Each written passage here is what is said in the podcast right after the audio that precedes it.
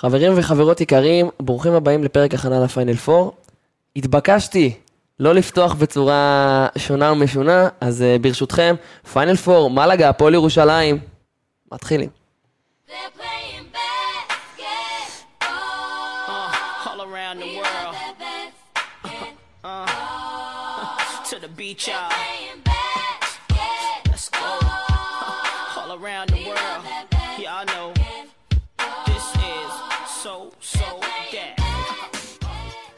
אז שלום, שלום לכם, מאזינים יקרים. שלום, יונתן ג'ונס יובל. מה נשמע?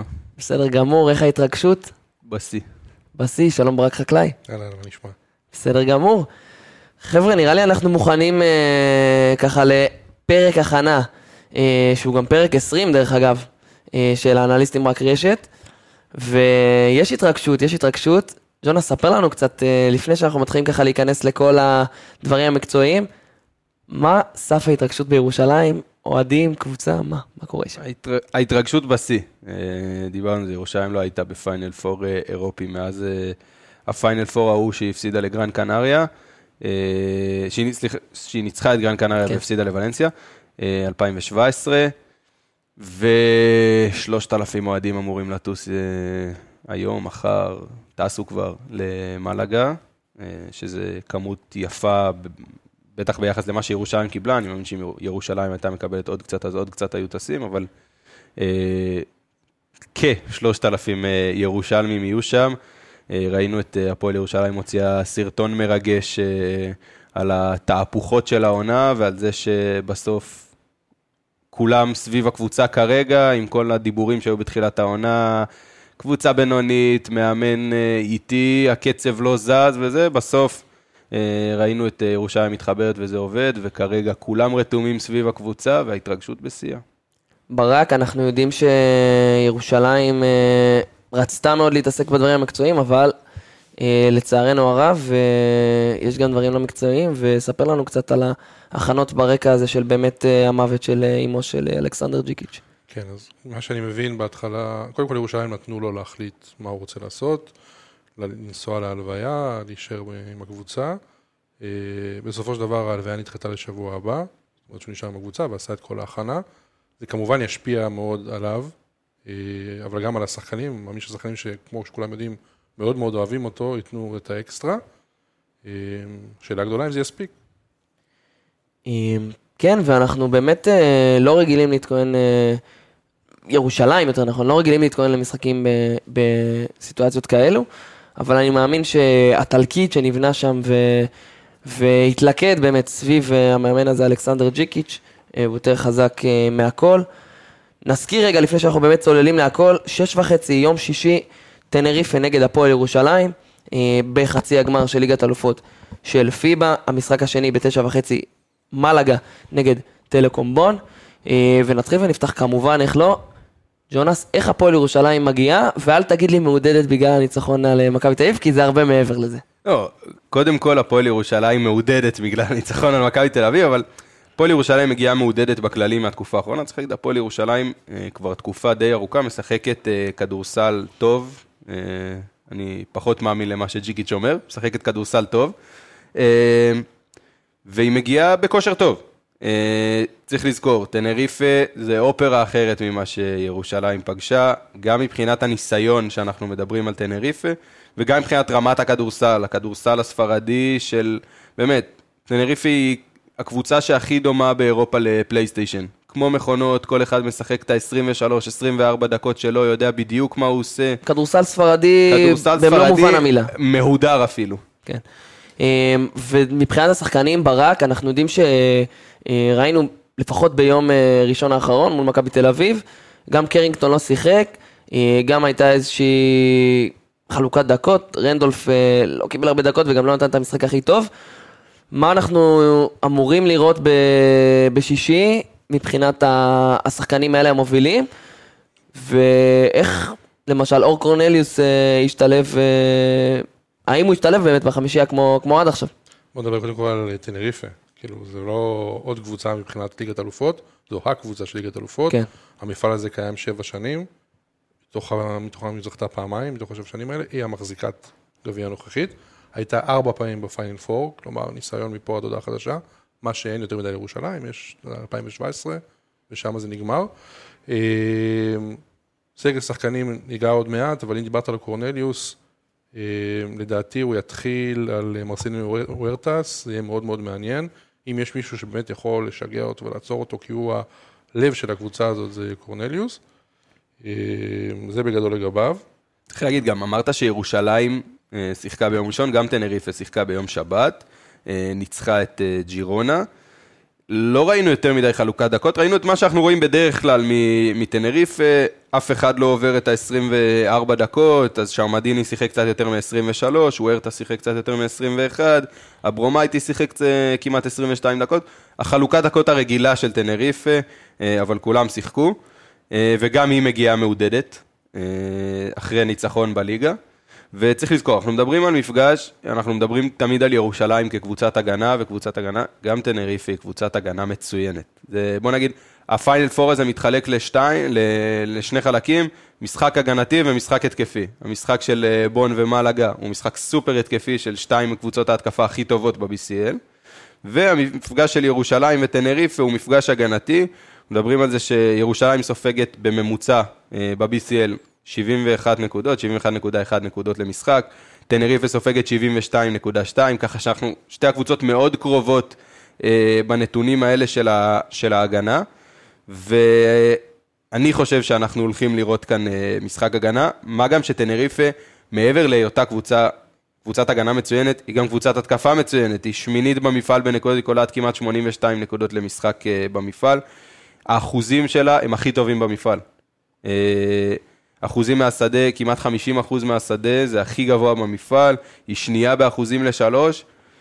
אה, אנחנו מדברים כאן באמת, שוב פעם, על הקבוצה של המפעל הזה. ואוהדי הכדורסל הישראלים אה, אולי יזכרו את, ה... את טנריפה, אה, בגלל שבשנה שעברה, בדיוק באותו שלב, היא פגשה את הפועל חולון.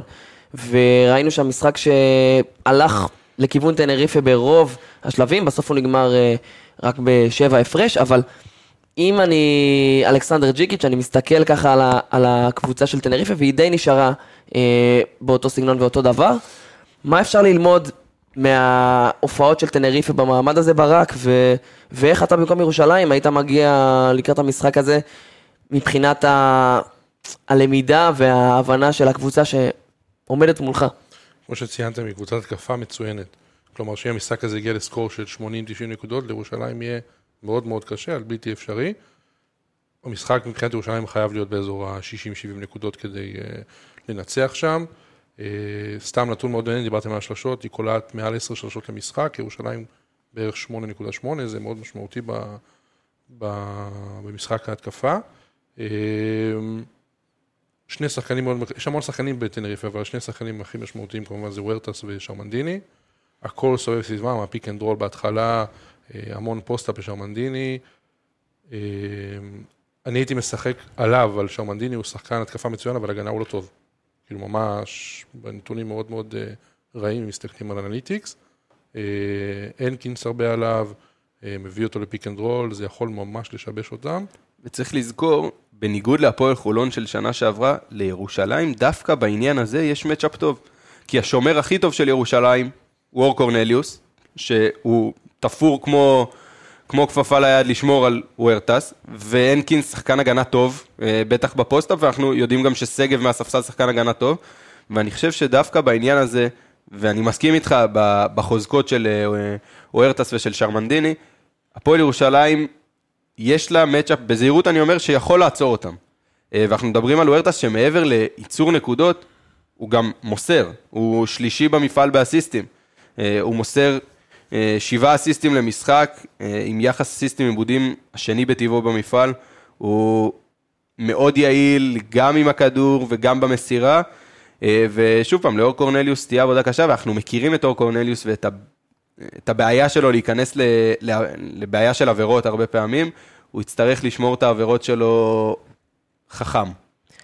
אני רוצה לצלול רגע, באמת, אמרת את המילה מצ'אפ, למצ'אפ הספציפי הזה בין אה, ירושלים לטנריפה, ובאמת להבין רגע איזה קבוצה עומדת אה, מבחינת השחקנים מול הפועל ירושלים, אז אני אתחיל רגע במצ'אפ הראשון, גיורי שרמדיני נגד זאק הנקינס, בהחלט שני הסנטרים הכי טובים במפעל העונה, וזה matchup מאוד מעניין, כי אנחנו יודעים ששרמדיני באמת, ממרום גילו וממרום ניסיונו, אה, הולך למהלכים האלה ב post-up, עושה את המהלכי pick and roll האלה עם וורטס ב- בצורה טובה, והנקינס, העונה, אה, אנחנו רואים במשחקים האחרונים קצת נסיגה ביכולת שלו, הוא צריך להיות ביכולת אה, הטובה שראינו מתחילת העונה.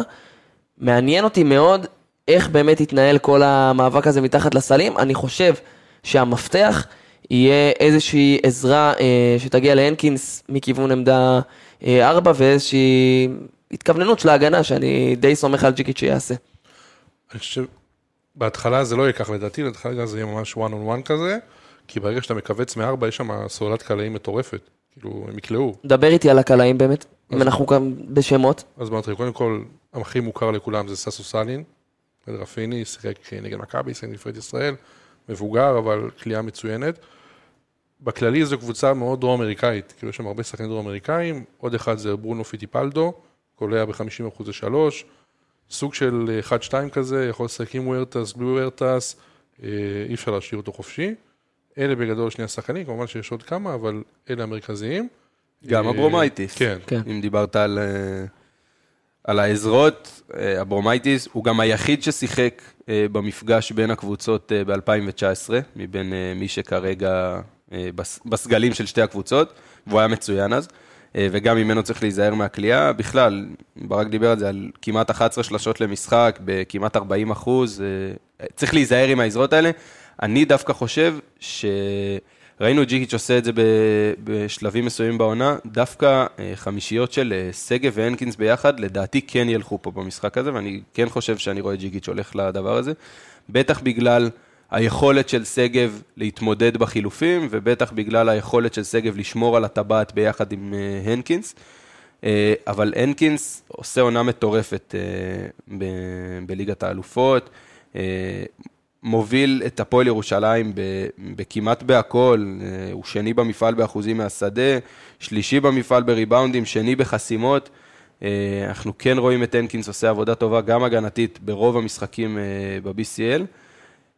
אני כן מסכים שמבחינת הגודל, יהיה לו קשה להתמודד ב post-up של שרמנדיני, שרמנדיני הרבה יותר רחב ממנו, אבל עדיין אני חושב שהנקינס יכול להתמודד באחד האחד. ה- המפתח של הנקינס יהיה איפה שרמנדיני מקבל את הכדור. אם הנקינס יצליח לדחוף אותו קצת יותר רחוק מהסל, ושרמנדיני יצטרך עוד כדרור ועוד להתקרב לסל ולסבך את ה post-up של שרמנדיני, אז אני חושב שהוא יצליח לעצור אותו, אבל אם שרמנדיני יקבל את הכדור עמוק אה, מתחת לטבעת, הנקינס מאוד יתקשה לעצור אותו. ואם יש עוד איזה מצ'אפ שהוא ככה מאוד בולט לעין, דיברנו על וורטס, מולו יעמוד ספידי סמית, ואני רוצה לקחת אתכם רגע לסטטיסטיקת האסיסטים עיבודים השנה של שניהם במפעל אה, של ה-BCL, אז שניהם מאבדים 3.7 כדורים למשחק, ספידי סמית מוסר 5.3 אסיסטים, ווורטס עם 7.7. ניהול המשחק אה, והקבלת החלטות של שניהם היא משהו מאוד מאוד חשוב אה, שיבוא לידי ביטוי היום, מחר במשחק ובכל הפיינל פור בכללי. ג'ונס ספידי סמית יודע להגיע ברגעים החשובים, ראינו את זה גם בגמר גביע, גם בכל מיני נקודות אה, ספציפיות שירושלים הייתה צריכה אותו העונה. כן. דבר עליו. ספידי סמית הוא, הוא שחקן כדורסל טוב, אבל לפעמים יש לו בעיה בראש דווקא, ולפעמים הוא טיפה משתגע, טיפה זה.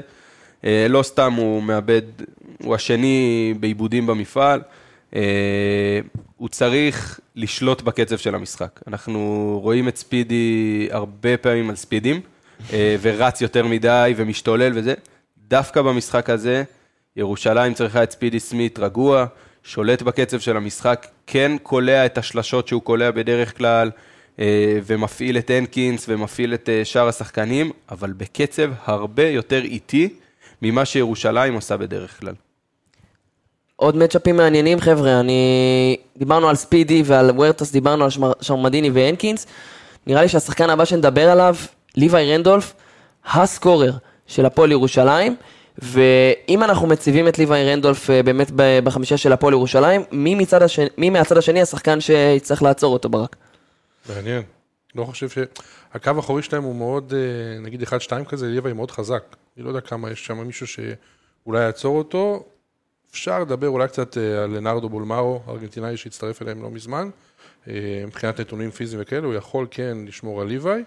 אה, הוא לא בעונה טובה, הוא עוד לא התאקלם שם, אבל הגנתית הוא כן שומר טוב. אז יכול להיות שהוא ינסה לשמור עליו. ואני חושב שבהרבה מקרים דווקא רנדולף יקבל שומר נמוך ממנו. בסוף, כמו שדיברנו, הקו האחורי של, של טנריפה הוא די קטן, די בעייתי מהבחינה הזאת, ואני חושב שירושלים צריכה, היא לא צריכה לפחד ללכת פעם אחרי פעם לאותו מהלך. אם זה פוסט-אפ של רנדולף על שחקן נמוך ממנו, ואם זה אה, רנדולף אה, נכנס לסל בכדרור, ואני חושב שההתקפה של ירושלים תקום ותיפול על רנדולף ועל קרינגטון ועל אה, היכולת שלהם להיכנס למשחק, להיכנס לסל, להוציא עבירות, לקלוע מבחוץ, אה, ולא להכריח על עצמם את המשחק, לדעת אה, לש, לשחרר את הכדור שצריך, ואני מאמין ש... שרנדולף וקרינגטון הם דווקא כן יותר מנוסים במפעל הזה, ואני מאמין שהם ידעו להביא את עצמם למשחק אה, בסדר גודל הזה. אז אם נכווץ את כל הדברים שדיברנו עליהם עד עכשיו אה, מבחינת המצ'אפים למפתחות לניצחון אה, ועלייה בעצם לגמר של הפועל ירושלים, אז מפתח ראשון, הנקינס במצ'אפ מול שרמדיני, באמת ההצלחה בליטרול שלו ו- והיכולת של ספידי ושל אה, שאר החברים להפעיל את הנקינס. מפתח שני, אני חושב שמפתח חשוב מאוד במשחק הזה יהיה אינטנסיביות של 40 דקות של הפועל ירושלים. דיברתי על קצב משחק נמוך, מצד שני, בהגנה, הפועל ירושלים צריכה להיות מאוד אינטנסיבית, ללחוץ על הכדור, מה שנקרא לעייף את השחקנים של טנריפה. דברים שראינו אותה עושה הרבה נכון, העונה. ובסוף אנחנו מדברים על טנריפה, אה, היא קבוצה של ממוצע גילאים של מעל גיל 31. זה מבוגר מאוד, ואם אנחנו מכירים את היכולת של קורנליוס להציק, ואת היכולת של שגב לשלוח ידיים, אה, לחטוף כדורים, ואם הפועל ירושלים תצליח לעייף את, את אה, טנריפה, את וורטס ואת סאסו סאלין ואת אברומייטיס, אה, לאו דווקא בקט... בלרוץ ולרוץ ולרוץ, אלא דווקא באינטנסיביות הגנתית ולחץ על הכדור, אה, והרבה פיק אנד רולים שיאלצו את שרמנדיני לצאת ולחזור ולצאת ולחזור, אני חושב שדווקא פה הפועל ירושלים תצליח אה, לעשות עבודה חשובה, והשחקנים של טנריפה יגיעו עייפים יותר לסוף המשחק. נקודה מעניינת על זה, על, ה, על הלחץ. משחקים יכולים, הסתכלתי קצת על משחקים של אה, טנריפה, ובספרד משגעים את וורטס. ראיתם אתמול במשחק של מכבי, למשל, את uh, בראון מכדרר, ופתאום מייק ג'יימס עושה את השחקן שלו, ובא לחצי ומשגע את בראון, ומאבד כדור. זה קורה המון שמה. כאילו בספרד, והוא על איזה חמישה עיבודים למשחק בעשרה משחקים האחרונים. אני מאמין שלשם ירושלים ילכו, אתה יודע, פתאום קורנס שומר עליו, ואז ספידי סמית בא מהצד, או... אנחנו מכירים את היכולת הזאת של ירושלים, היא עושה את זה לא מעט, לא רק לוורטס, גם לשחקנים אחרים. כן, וכשהוא, אם הוא לא בעניינים, לטנריפה יהיה מאוד קשה. אה, עוד נקודות, קצב משחק איטי, כמו שדיברנו מקודם, עדיף שזה ילך לכיוון ה-60-70 נקודות, והשמירה על קו קשת השלוש הוא must. דיברנו על החמישייה ועל החמישיות בעיקר של שתי הקבוצות. בואו נדבר רגע על הספסל של הפועל ירושלים. ראינו ביום ראשון את עוז בלייזר עולה ונותן יופי של תפוקה נגד מכבי תל אביב, ואנחנו יודעים שבספסל של הפועל ירושלים יש כלים, אה, כולם יודעים, קרינגטון שעולה בדרך כלל כשחקן שישי, ו... ושים סנדר ונה. שאם יתפוס יום אז הוא יכול להיות מאוד משמעותי. וברנדון בראון, ו- ויש מספיק שחקנים אה, שיבואו מהספסל. איך משתמשים בהם, כמה משתמשים בהם, וכמה באמת ג'יקיץ' סומך על הסגל הרחב שלו, כי יש שחקנים שלא מקבלים את הקרדיט באירופה. נכון, אז קודם כל בוא נגיד על הסגל הרחב הזר, ג'יקיץ' סומך מאוד. ברנדון בראון יקבל את הדקות שלו, וקרינגטון כמובן יקבל את הדקות שלו. אותי דווקא יהיה מעניין לראות מה ג'יקיץ' יעשה בעמדה מספר 4. אני מאמין שמייריס יעלה בחמישייה, ומאז יהיה מעניין לראות עם שגב, עם ונה, אולי יפתיע עם בלייזר, קשה לי להאמין שבלייזר יקבל פה את הקרדיט במשחק הזה. אה, בטח בגלל גודל של המשחק, אני רוצה להגיד את זה, והיעדר הניסיון של בלייזר במעמדים אירופיים. אה, שיש לך את מייריס ואת ונה שהם שועלי קרבות באירופה ועברו בערך אה, 20 שנה באירופה, אז, אה, אז הניסיון שלהם משחק תפקיד. ויהיה מעניין לראות איך ג'יקיץ' אה, יזגזג בין מייריס לוונה בעניין הזה של מייריס הוא שחקן הגנה וונה הוא שחקן התקפה, ולראות מה הוא יקבל משניהם. אה, אבל בסוף, לספסל של ירושלים יש חשיבות מאוד גדולה לקבוצה, אם זה הנקודות והשלשות של ברנדון בראון, אם זה קרינגטון, שהוא כמובן אחד משני הסקוררים המרכזיים של הקבוצה, ושגב, כי הנקינס ו...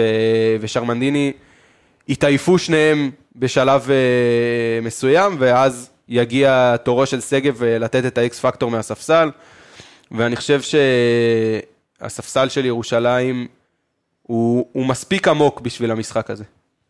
אני מסכים איתך ועם מה שאתה אומר, אני גם באמת חושב שעם כל הכבוד לבלייזר, והייתי רוצה לראות אותו אה, נותן ככה את הדקות ואת היכולת, קצת חסר ניסיון בסיטואציות האלה, קצת מאכזב לפעמים כש...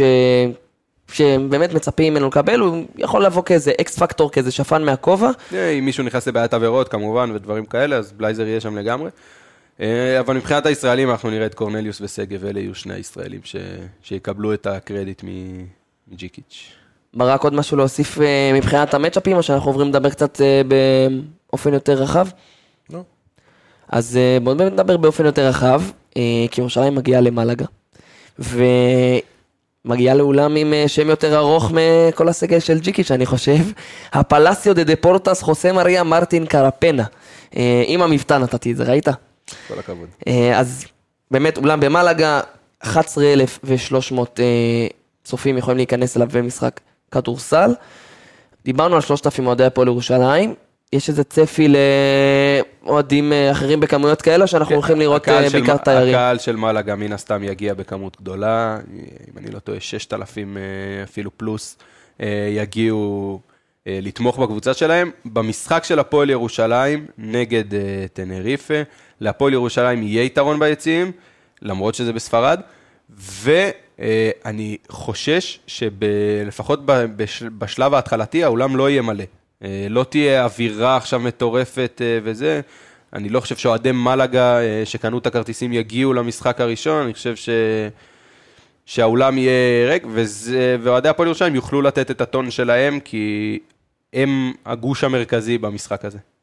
וכמה באמת אה, ישפיע ותשפיע העובדה שירושלים משחקת במשחק חוץ? ראינו אותה במאזן טוב מאוד בחוץ העונה אה, ב-BCL. היא לא הפסידה עונה ב-BCL בחוץ. חוץ מהמשחק באתונה, כן, ששוב, לא נתייחס אליו כמשחק חוץ, אלא יותר כאל אה, מלחמת גוג ומגוג.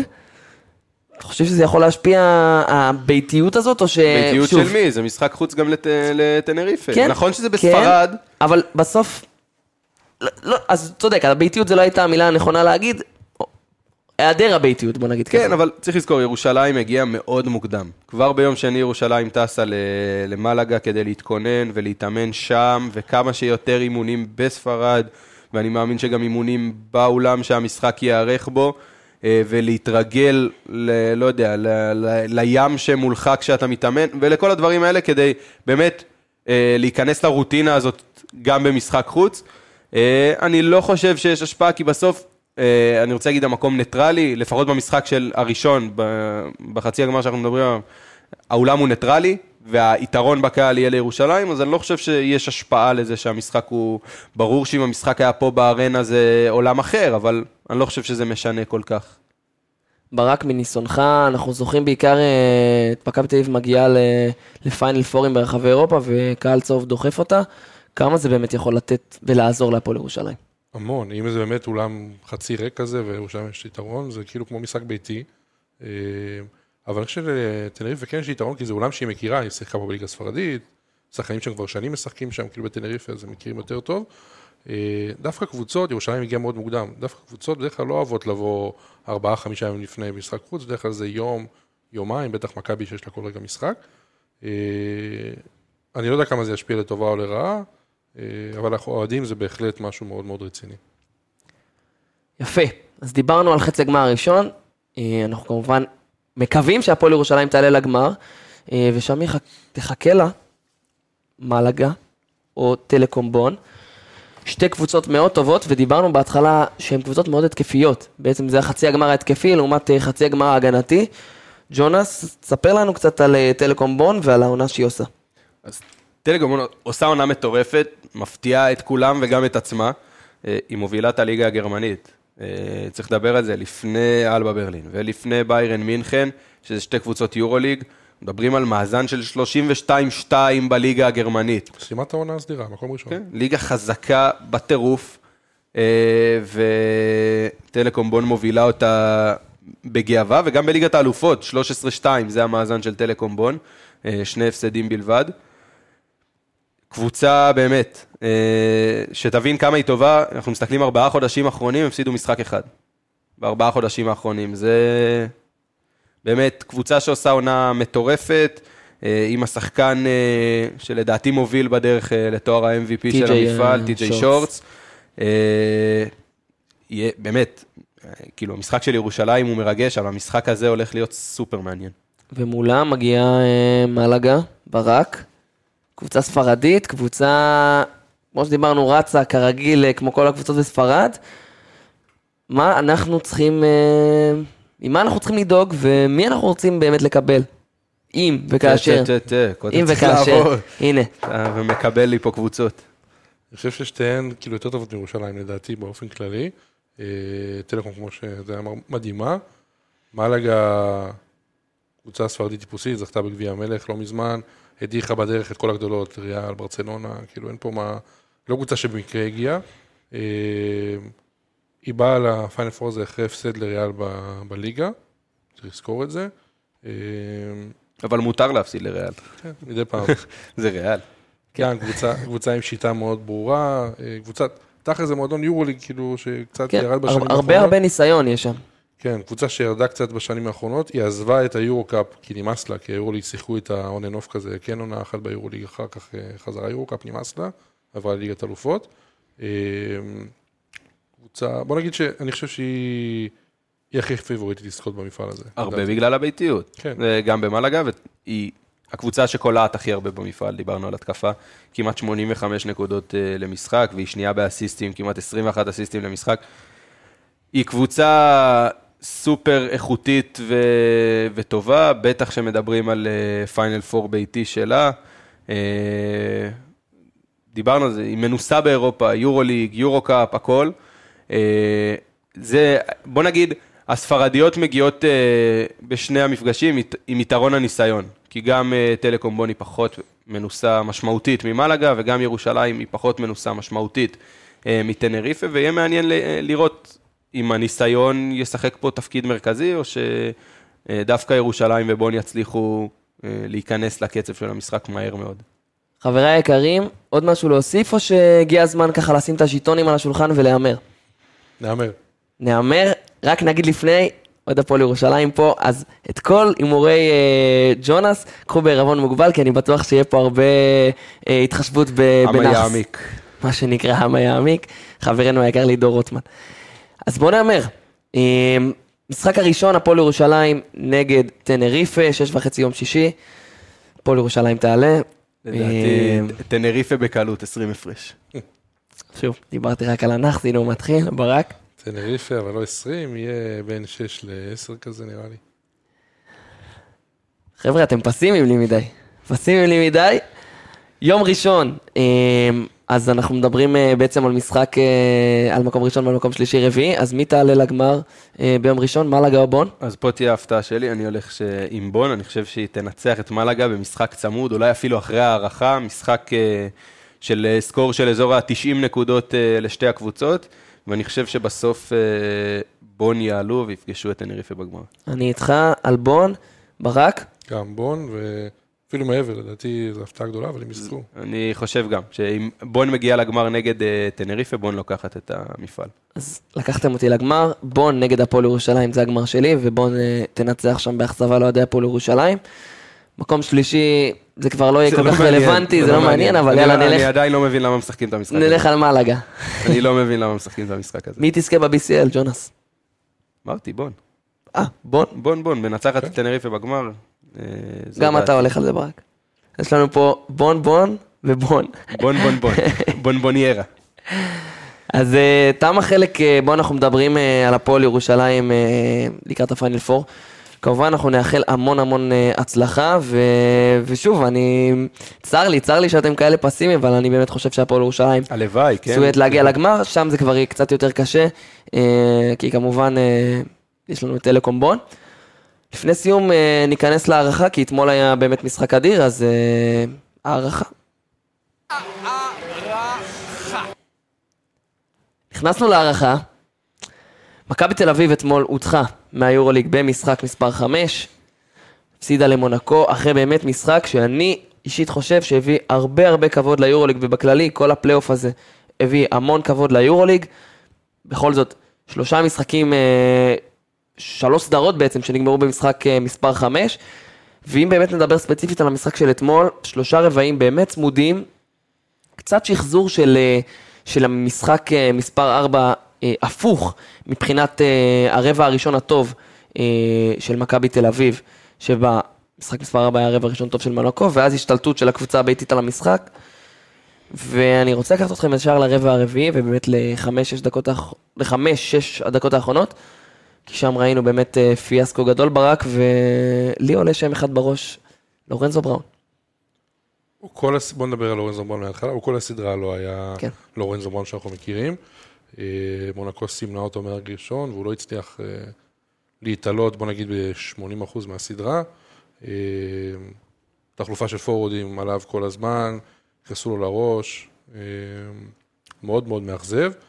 מונקו השיגה מה שהיא רוצה, היא הביאה את ה... היא הפכה את הקבוצה הזאת מקבוצה של לורנזו לקבוצה של וייד בולדווין, ועם וייד בולדווין אולי הוא נראה מצוין, אבל בסוף זה לא משפיע טוב על הקבוצה. אה, תסתכלו על כל הקריירה שלו, כאילו אין פה איזה הישג גדול בקריירה שלו, חוץ מדברים אה, אישיים שהוא השיג. אה, באסה למכבי, אבל אני רואה את זה קצת אחרת, אני רואה את זה בתור איזה תהליך טוב. יודע, אחרי עונות רעות מאוד, פתאום מכבי התרוממה, חסר לה עוד שחקן אחד-שניים באמת כדי להגיע לפיינל פור ואולי אף מעבר לזה, ושנה הבאה אני חושב שזה כן יקרה. ג'ונס שוב בבוקר שאחרי, אה, כמיטב המסורת של אה, אוהדי הסטייק, מה שנקרא, שאוהבים להתהפך.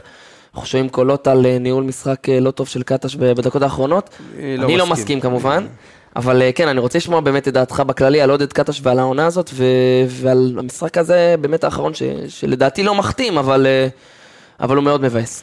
כן, אני אתחיל ואתייחס למה שדיברתם על לורנזו בראון. זה נכון שהייתה סדרה לא טובה של לורנזו בראון, ונכון שבולדווין היה יותר טוב מלורנזו בראון בסדרה הזאת, אבל מי שיוביל את מכבי תל אביב לפיינל פור זה לורנזו בראון ולא וייד בולדווין. כמו שברק אמר, אה, עם כל הכבוד לווייד בולדווין, הוא שחקן מצוין, אבל אם שחקן אחד יוביל את מכבי תל אביב לפיינל פור, זה לורנזו בראון. כי ראינו, גם כשבולדווין טוב, זה לא עזר למכבי תל אביב להגיע ל- לפיינל פור. Uh, עכשיו בואו נדבר רגע על קטש. אני לא חושב ש... שהיה בעיה, דווקא ראינו את קטש שהולך עם חמישייה, עם מרטין ועם פויטרס, וזה עבד, ומכבי תל אביב שיחקה רבע ראשון מצוין, בקצב שלה, וכל מה שהיא רצתה קרה. עם אחוזים קליעה מדהימים. ברור, היא קלעה 33 נקודות ברבע הראשון, שזה בערך אה, מה שהיא קלעה במחצית בשלושת המשחקים הראשונים. אה, העניין הוא שמחצית הראשונה, מייק ג'יימס השאיר את מונקו במשחק. מכבי תל אביב לא הצליחה לעשות את הבריחה אה, שהיא רצתה במחצית הראשונה. אם מכבי תל אביב הייתה מצליחה לעשות את הבריחה ולעצור קצת יותר את מייק ג'יימס, הכל היה נראה אחרת, אבל אנחנו לא מדברים באימים. ואני חושב שבסוף, הניהול משחק של קטש היה לא רע בכלל, כי מרטין, אה, היה לו משחק די טוב, 12 נקודות, התקפית. בהגנה זה היה נראה אחרת, עבירות מטופשות, אה, עבירה לקליעה ובולדווין עם עבירה לשלוש, וקולסון עם עבירה לשלוש, ואני חושב שדווקא החלוקת דקות הייתה נכונה, ודי ברטולומיאו שיחק בדיוק את הדקות והיה מעולה, והיליארד שיחק בדיוק את הדקות והיה מעולה. בסוף, הבריחה של מונקו, אה, כן עם האנרגיות של הקהל, אבל בעיקר עם טעויות של מכבי תל אביב בהגנה. אה, ושוב פעם, עם ניהול משחק קצת אה, בעייתי של אורנזו בראון, אה, הכריעו את הכף. אני חושב שמכבי תל אביב מסכמת עונה מצוינת באירופה, בלי הסתייגות, בלי שום דבר, עונה מצוינת של מכבי תל אביב באירופה. בסוף, כן, שם המשחק היה אתמול עיבודים, אה, 15 עיבודים, שוב דו-ספרתי. והריבאונד. כן, אה, מונקו ו-15 ניצחה ריבאונד התקפה. אה, כן, צריך 15 לזכור ריבאונד התקפה לעומת המשחק, 6. המשחק הראשון בסדרה שמונקו מנצחת בו בריבאונד, ובמשמעותי ניצחה פה בעשרה ריבאונדים, ו...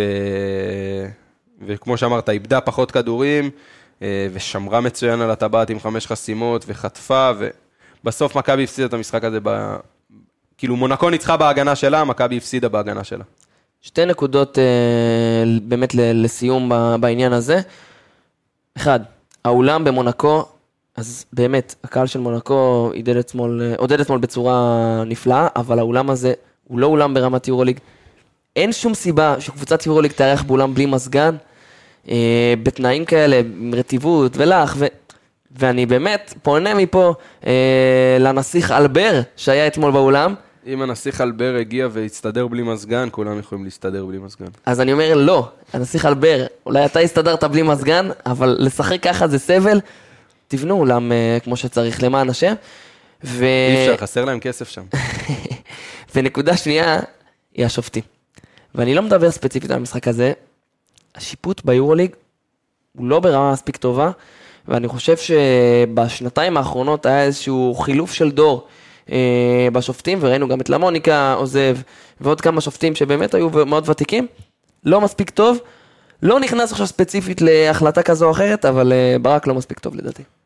אני חושב שכולנו מתייחסים יותר מדי לשופטים, גם בארץ, גם ב-BCL, גם ביורוקאפ, גם ביורוליג, ומתעסקים פחות בתכלס. שיהיה ברור, מכבי תל אביב לא הפסידה את המשחק על השופטים. בדיוק. אתה יודע, שופטים לא טובים, גם בארץ יש חילופי דורות, יש המון שופטים צעירים, וכולם בוכים, וזה יתאזן מתישהו. זה השיפוט, זה מה יש, וזה צריך להתמודד, כאילו, אין פה מה... אתה לא רואה איזה שופט שעושה דווקא לקבוצה מסוימת. כן, זה גם לא שכשלמוניקה היה, אמרת יופי, שופט מצוין. אין מה לעשות. כל פעם מי ששופט, באים אליו בטענות, ואז אחרי שהוא פורש, אומרים, אוי, למה הוא פרש, הוא היה מצוין. אני... אני לא, אני חושב שהשיפוט מול היה בסדר מעבר להליכות ארוכות מדי למוניטור, שזה קצת אה, הורס את הקצב במשחק, וזה לא רק ביורוליג, זה אנחנו רואים אה, באופן אה, עקבי מכל שופט כדורסל שהוא, שנהנים ללכת למוניטור, אולי כדי לנוח קצת, אה, אבל מעבר לזה, אני חושב שמרבית ההחלטות שהתקבלו היו טובות, אפילו אה, הרוב המוחלט של ההחלטות היו טובות. אה, מכבי תל אביב הפסידה את המשחק, כי היא פשוט לא שמרה טוב, ועשתה עבירות מיותרות. ויורוליג הלך, גביע הלך, נשארנו עם אליפות, ומשחק אחד שיסגור את העונה, שזה הדרבי ביום ראשון. אה, אני חושב שמכבי תל אביב תגיע בצורה טובה, אני לא חושב שעכשיו תהיה איזו ירידת מתח מאוד משמעותית. אני חושב שהם רואים את האליפות כמשימה מאוד חשובה, בעיקר אחרי שהגביע הלך, והם מבינים מול מה הם מתמודדים. אה, אז בהקשר הזה, אוהדי מכבי תל אביב, אל אה, חשש ואל אה, אל ייאוש, מה שנקרא. אני רוצה להעלות שאלה, בסדר. כי לכולנו ברור שמכבי תל אביב לא לוקחת אליפות, לא משנה, לא, אני לא מדבר על העונה הספציפית, אם מכבי תל אביב לא לוקחת תואר אה, ישראלי, אה, זה כישלון בשבילה. אבל אני רוצה להעלות שאלה של האם העונה הזאת, אם מכבי תל אביב לא לוקחת אה, אליפות, האם אתה רואה את העונה הזאת ככישלון קולוסלי? תראה, קולוסלי זה לא. אני חושב שבמכבי תל אביב בוודאות תראו את זה באופן אה, קולוסלי, כי אנחנו מכירים את הנפשות הפועלות שם ואנחנו מכירים את הלחץ שיש שם מאחורי הקלעים.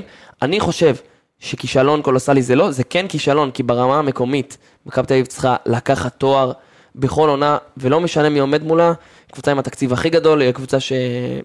עם המסורת, ו... והיא קבוצה שצריכה לקחת תואר. אני חושב שבגלל איך שהעונה הזאת התפתחה, אז הם לא, מה שנקרא, יערפו ראשים, אבל כן, זה יהיה כישלון, לא קולוסלי, אבל כישלון.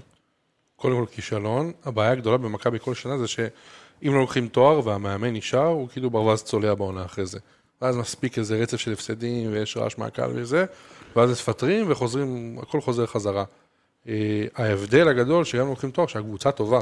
כאילו זה לא, זו קבוצה שגם נשארת, הבסיס שלה נשאר, יוסיפו, לא יודע, רכז, תמיר בלאט או מישהו אחר, ועוד שחקן בעמדה מספר 4, הקבוצה טובה. אז אין סיבה שקטש לא ימשיך גם אם הוא לא זוכה באליפות, כי יש פה פוטנציאל מאוד גדול, והוא גם למד, זו שנה ראשונה אמיתית שלו ביורוליג מלאה, אה, הוא חייב להישאר לדעתי.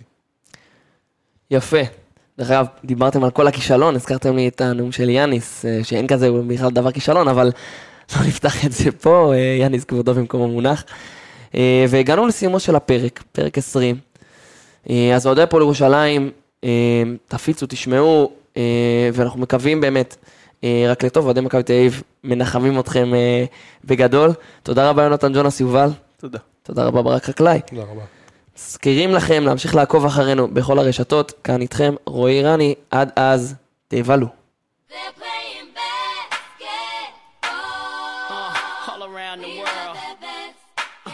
Uh. To the beach, y'all.